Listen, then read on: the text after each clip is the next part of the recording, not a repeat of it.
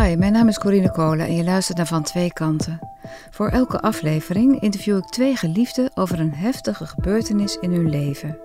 Ik interview ze apart van elkaar, zodat ze openhartig kunnen praten. Deze week Sabrina en Michael. Beide hebben een totaal andere achtergrond. De een is opgegroeid in een streng religieus gezin en de ander had juist een totaal ongestructureerde, onveilige jeugd. Welke invloed hebben die verschillen nu ze volwassen zijn op hun gezamenlijk leven?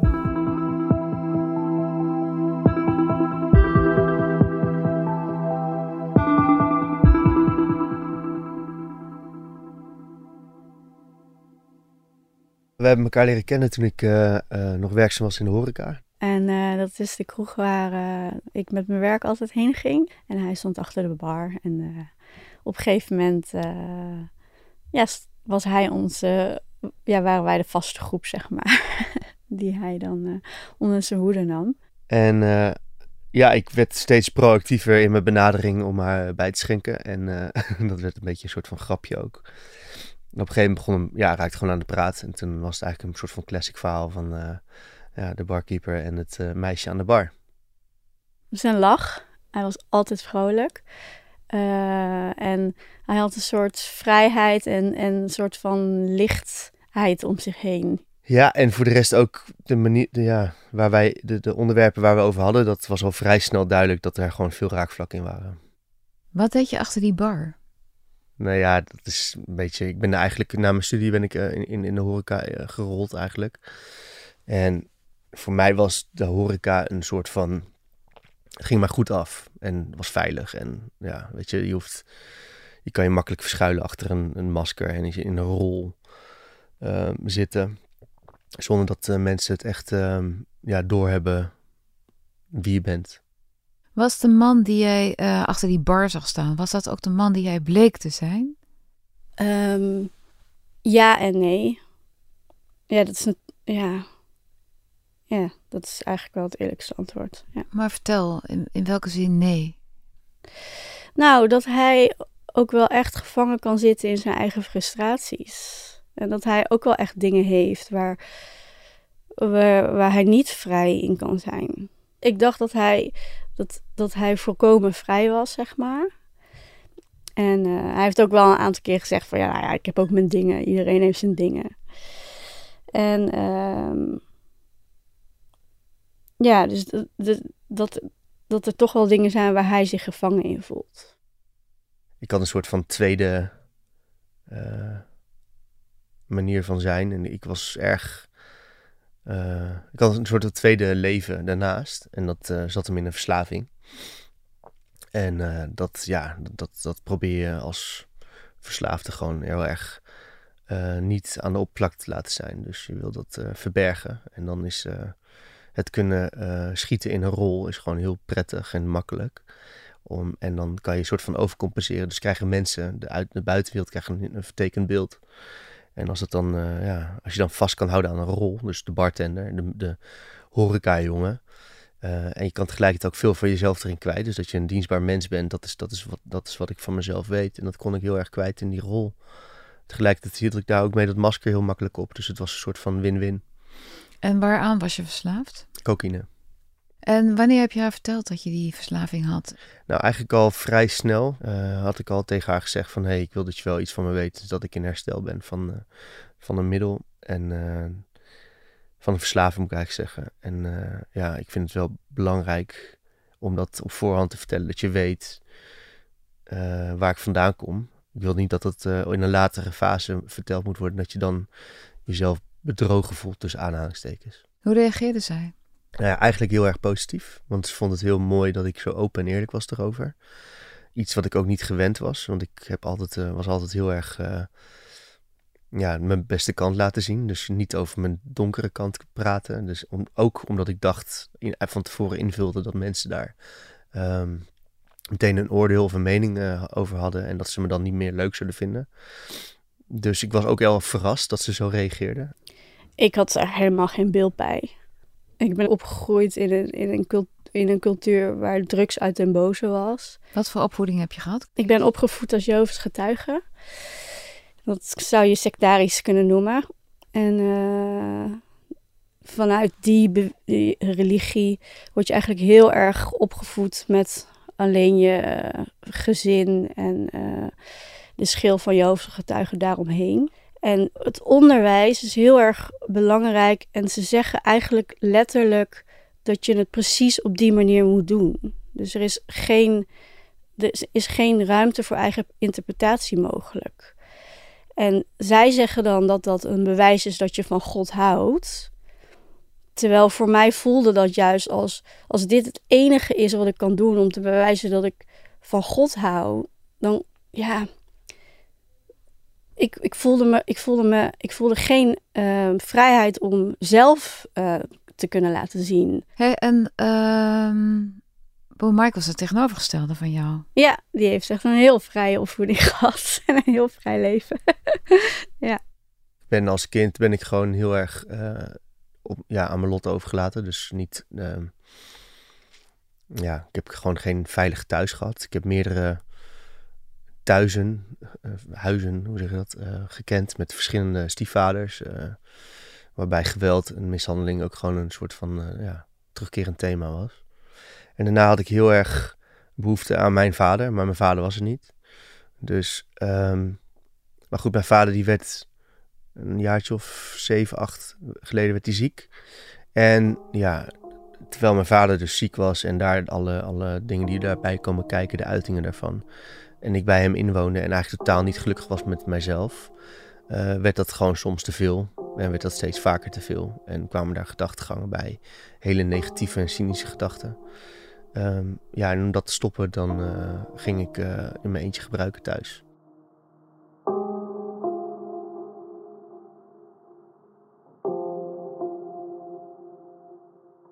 Ben je bang dat hij terugvalt? Ja, kijk, waar ik bang voor ben, is dat, dat hij um, me niet betrekt. En dat hij, dan, dat hij dan in een soort spiraal komt, waarbij hij het op een gegeven moment ook niet meer durft te vertellen. En dat hij dan terugvalt en dat hij dan ja, in zijn eentje is, zeg maar. Dus als hij eerlijk zegt van ik heb kook gebruikt, dan, zou dan heb ik daar echt veel minder moeite mee dan als hij daarover gaat liegen. Terwijl aan de andere kant geeft hij wel het vertrouwen dat hij, um, zodra hij zelf merkt er is verslavingsgedrag, dan gaat hij ermee aan de slag. We hebben een, uh, een, een dochtertje van twee. En die kan nogal, ja, die gaat nu richting die terrible toe, om het maar eventjes te labelen.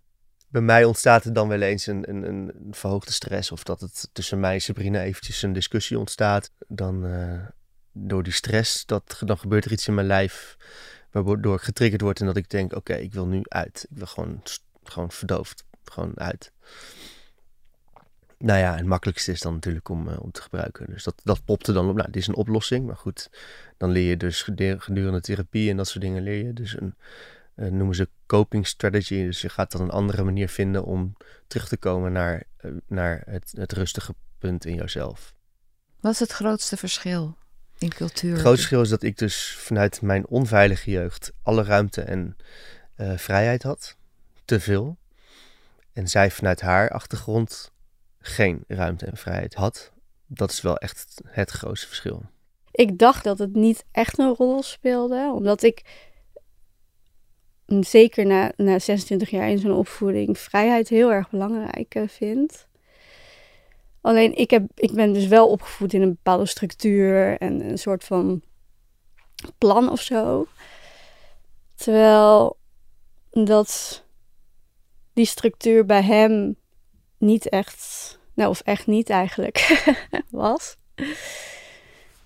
Dus dat, uh, dat die, ja, die vrijheid die ik zo aantrekkelijk van hem vond, en vind nog steeds overigens, die, um, ja, de schaduwkant daarvan is dat de structuur een beetje, dat de structuur dus mist. En daar komen we, daar, ja, dat, dat vinden we soms wel in de praktijk soms wel moeilijk.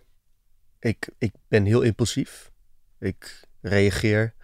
Ik, uh, en ik, ik, ik doe gewoon dingen waar ik niet of nauwelijks over nadenk. Zoals? Nou ja, uh, tot voor kort heb ik ook wel uh, bepaalde uitgaven gedaan. Die ik eh, gewoon, ja, deed omdat ik daar gewoon zin in had. En eh, zij is iemand die echt, eh, als, als we iets nodig hebben, dan gaat ze echt een heel onderzoek doen. Eh, dan gaat ze eerst kijken of ze het via tweedehandskanalen, dus marktplaats of wat dan ook, eh, kan aanschaffen. Plus ze gaat kijken via een Excel-sheet wat, wat, wat wij hebben voor onze financiële administratie, of er ruimte is om dat te kunnen betalen. En ik denk daar niet over na. Ik geef het gewoon uit. Als ik het heb, dan geef ik het uit. En mijn vader overleed en toen heb ik eh, een, eh, een, een, een e-bike gekocht. Want ik was best wel... ehm, maar ik, heb, ik, ik heb mijn rouw heel anders verwerkt dan de gemiddelde mens, denk ik. Ik had ook heel veel momenten dat ik dacht van... Oké, ik heb niet echt zin om te gebruiken. Dus er kwam in één keer heel veel geld vrij. Dus ik had in één keer heel veel geld. Erfenis van je vader. Ja, en dat ging ik eigenlijk al in de eerste, na de tweede week of zo, ging ik al dingen kopen. Omdat ik dacht van, weet je, als je geld uitgeeft, dan ontstaat er ook een soort van eh, gevoel. En dat wordt dus ook weer te onderbouwen met stofjes die in je lichaam aangemaakt worden, in je hersenen. En weet ik veel, die een soort van eh, fulfilling gevoel geven. En hij vond het dan nodig om zo'n hele dure elektrische fiets te hebben. hè, Waar, en dan, dan, dat gaat voorbij mijn redelijkheid. Dus ik denk dan, waarom is het dan nodig om een, om een handgemaakte elektrische fiets te hebben die drie keer zo duur is als een normale elektrische fiets? En eh, ja, dat was dus eigenlijk al, had ik al gekocht voordat ik dat met Sabrina had ver- overlegd. Of in ieder geval had gemeld. Ik had al een aanbetaling gedaan. En toen had ik gezegd dat die aanbetaling het, eh, eh, het, ja, het bedrag was dat de fiets zou kosten. Hij heeft toen bedacht met die verkoper om die fiets op papier 2000 euro goedkoper te maken.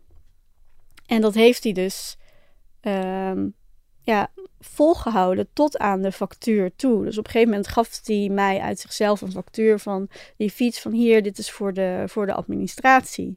Op voorhand dacht ik, van, dacht ik al, was ik aan het invullen van oké, als ik vertel hoeveel die echt die fiets was, dan gaat ze helemaal, daar is het niet mee eens. En dan krijgen we een discussie en dan kan een ruzie worden en dat wil ik allemaal niet.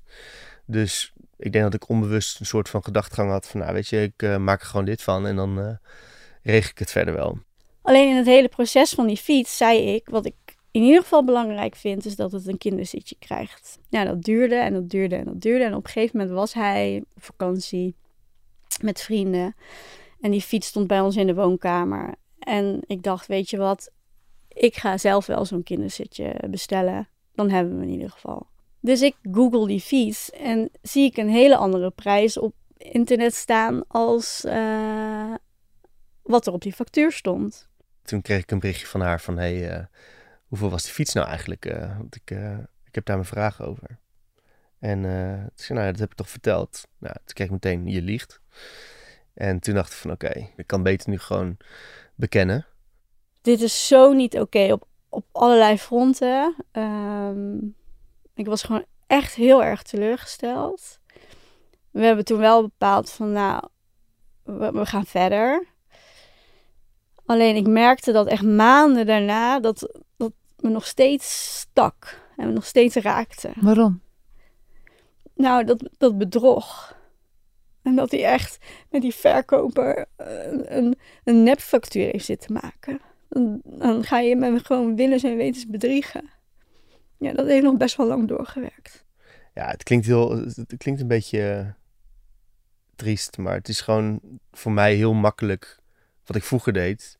Om dit soort dingen dus te verdraaien of te verbergen. Zodat je dus ja, voor je gevoel grotere eh, dingen voorkomt. Maar uiteindelijk wordt het dus juist erger. Dat zijn gewoon de patronen die, eh, die ik eh, gewend was. Dat er gewoon altijd kon je een beetje shady doen, weet je wel, over dingen. Als mensen aan je dingen vroeger verdraaide je het of je, of je, of je loog erover. Of ja, dat was gewoon een beetje hoe ik leefde als het ware. Waarom neem je dat zo persoonlijk? Nou, ik heb echt het gevoel dat ik een soort van 26 jaar lang bedrogen ben, zeg maar, in die religie. En ehm, ik ben gewoon echt allergisch voor mensen die met valse voorwenselen iets gedaan proberen te krijgen. En dat iemand dat dan doet waar je van houdt, zeg maar, waar je samen een kind mee hebt en een leven opbouwt, dat, dat raakt me gewoon heel erg. Het is eigenlijk een soort herhaling van wat je eerder hebt meegemaakt. Alsof er geen ontsnappen aan is Ja. aan het bedrieg in je leven. Ja. Kijk, en het is natuurlijk een lastige vergelijking, omdat mijn ouders geloofden daar ook echt in. Dus in hoeverre bedrieg je dan je, je eigen kind? En ehm, dus dat, dat, maakt de vergelijking wel lastig. Maar het is wel het gevoel wat er ten, ten, ten grondslag aan ligt, ja, wat eronder ligt. En uit die hovengetuigengemeenschap ben je uiteindelijk weggegaan. Kan je je voorstellen dat, dat dat hier ook bij gaat gebeuren, bij, het, bij dit huwelijk? Op het moment dat zich dit herhaalt. Ja, als dit echt een probleem lijkt te zijn waarbij, uh, waarbij we niet uitkomen, wordt dat een realistische optie. Stel, ik zou nu niet daar bewust mee omgaan. Dus dat ik uh, laat zien van hé, hey, ik weet dat dit voor jou belangrijk is. Dus um, ik hou er rekening mee. Als ik dat niet zou doen, dan is het uh, op een gegeven moment op. Want dit is gewoon iets voor haar wat heel, ja, waarop zij, uh, een van haar principes denk ik, waar ze op draait. Want hoe lossen jullie dat nu op? Dat, dat, dat, uh, dat impulsieve uh, wat jij hebt en dat strikte wat zij heeft. Hoe, hoe gaan jullie daar nu mee om? Nou ja, ik denk dat alles is, um, valt of staat met, met concessies. Dus ik heb, um, ik laat haar gewoon, ik betrek haar dus in de besluiten die ik neem met, met uitgaven die ik doe. Dus zij heeft mijn apps, mijn, mijn bankapps heeft zij ook. Dus zij kan zien wat ik doe. En um, ja, zolang daar niet hele gekke dingen op gebeuren, stelt zij geen vragen. Kijk, als ik in één keer 100, uh, 150 of 200 euro pin, dan kan ik verwachten dat de volgende dag vraagt: hé, hey, waar had je die 150 of 200 euro voor nodig? Is dat niet heel beklemmend? Ja, dat heeft ook wel zijn. Natuurlijk, dat, dat is. Maar ja, ik weet ook van mezelf dat ik dat nu nog nodig heb. We zijn ook een team, we zijn ook een clubje, weet je. We zijn ook met z'n drieën en we moeten gewoon met z'n drieën het bestaan kunnen uh, regelen. En als dat noodzakelijk is dat zij met me meekijkt, maar me wel um, het gevoel geeft dat ik um, enigszins autonoom kan handelen. Ja, dat is een balans. Maar heb je wel het gevoel dat jij zijn kader bent? Ja, ja, dat vind ik ook wel moeilijk. Ja. Terwijl aan de andere kant hij ook wel zegt van dat vind ik juist fijn. En dat heb ik ook nodig of zo. Maar ik vind het soms wel moeilijk om dat te zijn. Ja. ja. Waarom? Omdat het nogal een verantwoordelijkheid is. En het kost me gewoon best wel veel energie. En we hebben ook een kind. Die we ook samen moeten opvoeden. Ja. Ik, ik doe dat liever samen dan dat ik degene ben die dat kader moet zijn of zo.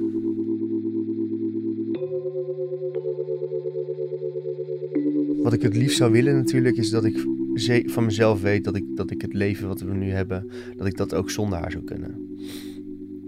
En ik geloof dat ik daar wel naartoe aan het gaan ben, maar dat dat nu nog niet zo is. Soms heb je hulp nodig bij bepaalde dingen. Kijk, ik heb hulp nodig van hem bij bepaalde dingen. En hij heeft hulp nodig van mij bij bepaalde dingen. En ons kind zal ook op een gegeven moment, dat, dat heeft ook hulp van ons nodig en begeleiding. En als je van elkaar houdt, dan geef je dat aan elkaar. En dan heeft dat niet zozeer invloed, uh, invloed op de gelijkwaardigheid in een relatie. Welke hulp heb jij van hem nodig? Nou, ik vind, ik vind um, vriendschappen en, en relaties met familie en zo, dat vind ik lastig te vatten en te doorgronden en te begrijpen. ik, het raakt me. En hij helpt me daarbij. Waarom? Waarom vind je dat lastig? Omdat, uh, ja, ik no nooit echt eigen keuze heb gehad in wat voor vriendjes of vriendinnetjes ik mocht hebben. Uh, ik moest altijd vriendjes of vriendinnetjes in, de, in de gemeenschap zijn, zeg maar. In de, in de, in de Jehovah's En dus echt leren hoe je vrienden maakt en hoe je um, geaccepteerd wordt, ook al ben je jezelf. Dat, dat vind ik gewoon lastig. Zij gelooft nog steeds in mij. Klinkt echt super gek om dat zo te zeggen. Maar ze accepteert me wel voor wie ik ben. En ja, dat vind ik gewoon heel knap. Uh, dat ze daardoor nog steeds, ondanks mijn fouten en, en uh, uitdagingen, dat ze nog steeds houdt van de man die ze ooit heeft leren kennen. En dat dat niet uiteindelijk niet dezelfde is die ze, waar ze ooit verliefd op is geworden. Dus ja. Toen we elkaar leerden kennen, had Michael een heel rijk sociaal leven. Die is heel erg loyaal naar zijn vrienden. Die ehm, houdt ervan om leuke dingen te doen. En ehm, die neemt het allemaal niet zo super serieus. Dat, is wel, dat zijn wel echt dingen waarop, waarom ik op hem gevallen ben. En dat is natuurlijk omdat het voortkomt uit een soort gemis. En iets wat je zelf ook wil, wat ik zelf ook wil in mijn leven. En wat ik ook nastreefde op het moment dat ik hem leerde kennen. Toen, was ik, toen stond ik in het midden van mijn leven. Ik ging elk weekend stond ik op feesten. Elke avond was ik in de kroeg te vinden. Dus dat paste gewoon heel erg. Ik ben nu steeds meer aan het accepteren hoe ehm, wij zijn. Hè? Dat hij een persoon is en ik een persoon. En ehm, ik zie daar ook wel weer de, de kanten in dat het onze relatie kan versterken. Dus dat, ja, dat hij de luchtheid brengt in onze relatie. En ehm, met name ook richting uh, onze dochter. En uh, dat ik dus uh, van het plannen ben. En dat, dat werkt ook.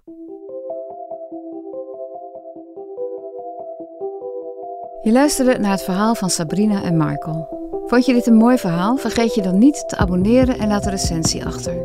Willen jij en je partner ook jullie verhaal delen? Mail dan naar vantweekanten.volkskrant.nl Mijn naam is Corinne Kolen. Ik maak deze podcast samen met Simone Eleveld, tevens eindredactie.